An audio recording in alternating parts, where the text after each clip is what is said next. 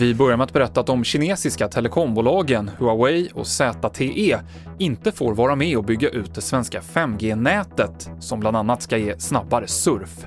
När myndigheten Post och telestyrelsen i november drar igång de första aktionerna av 5G-frekvenser så stängs företagen ute eftersom de kan utgöra en säkerhetsrisk. Det finns ett inflytande och en insyn från det kinesiska kommunistpartiet i alla stora företag i Kina och därför är man också orolig för hur de eventuellt skulle kunna bygga in bakdörrar och kunna hacka och lyssna av den här datatrafiken som går via den här tekniken som man installerar då för att använda 5G-tekniken.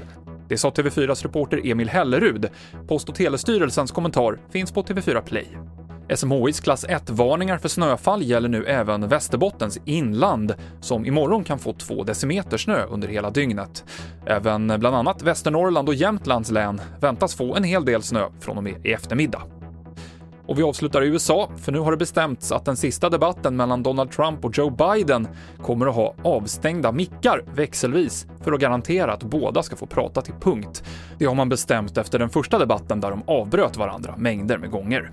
TV4-nyheterna med Mikael Klintevall.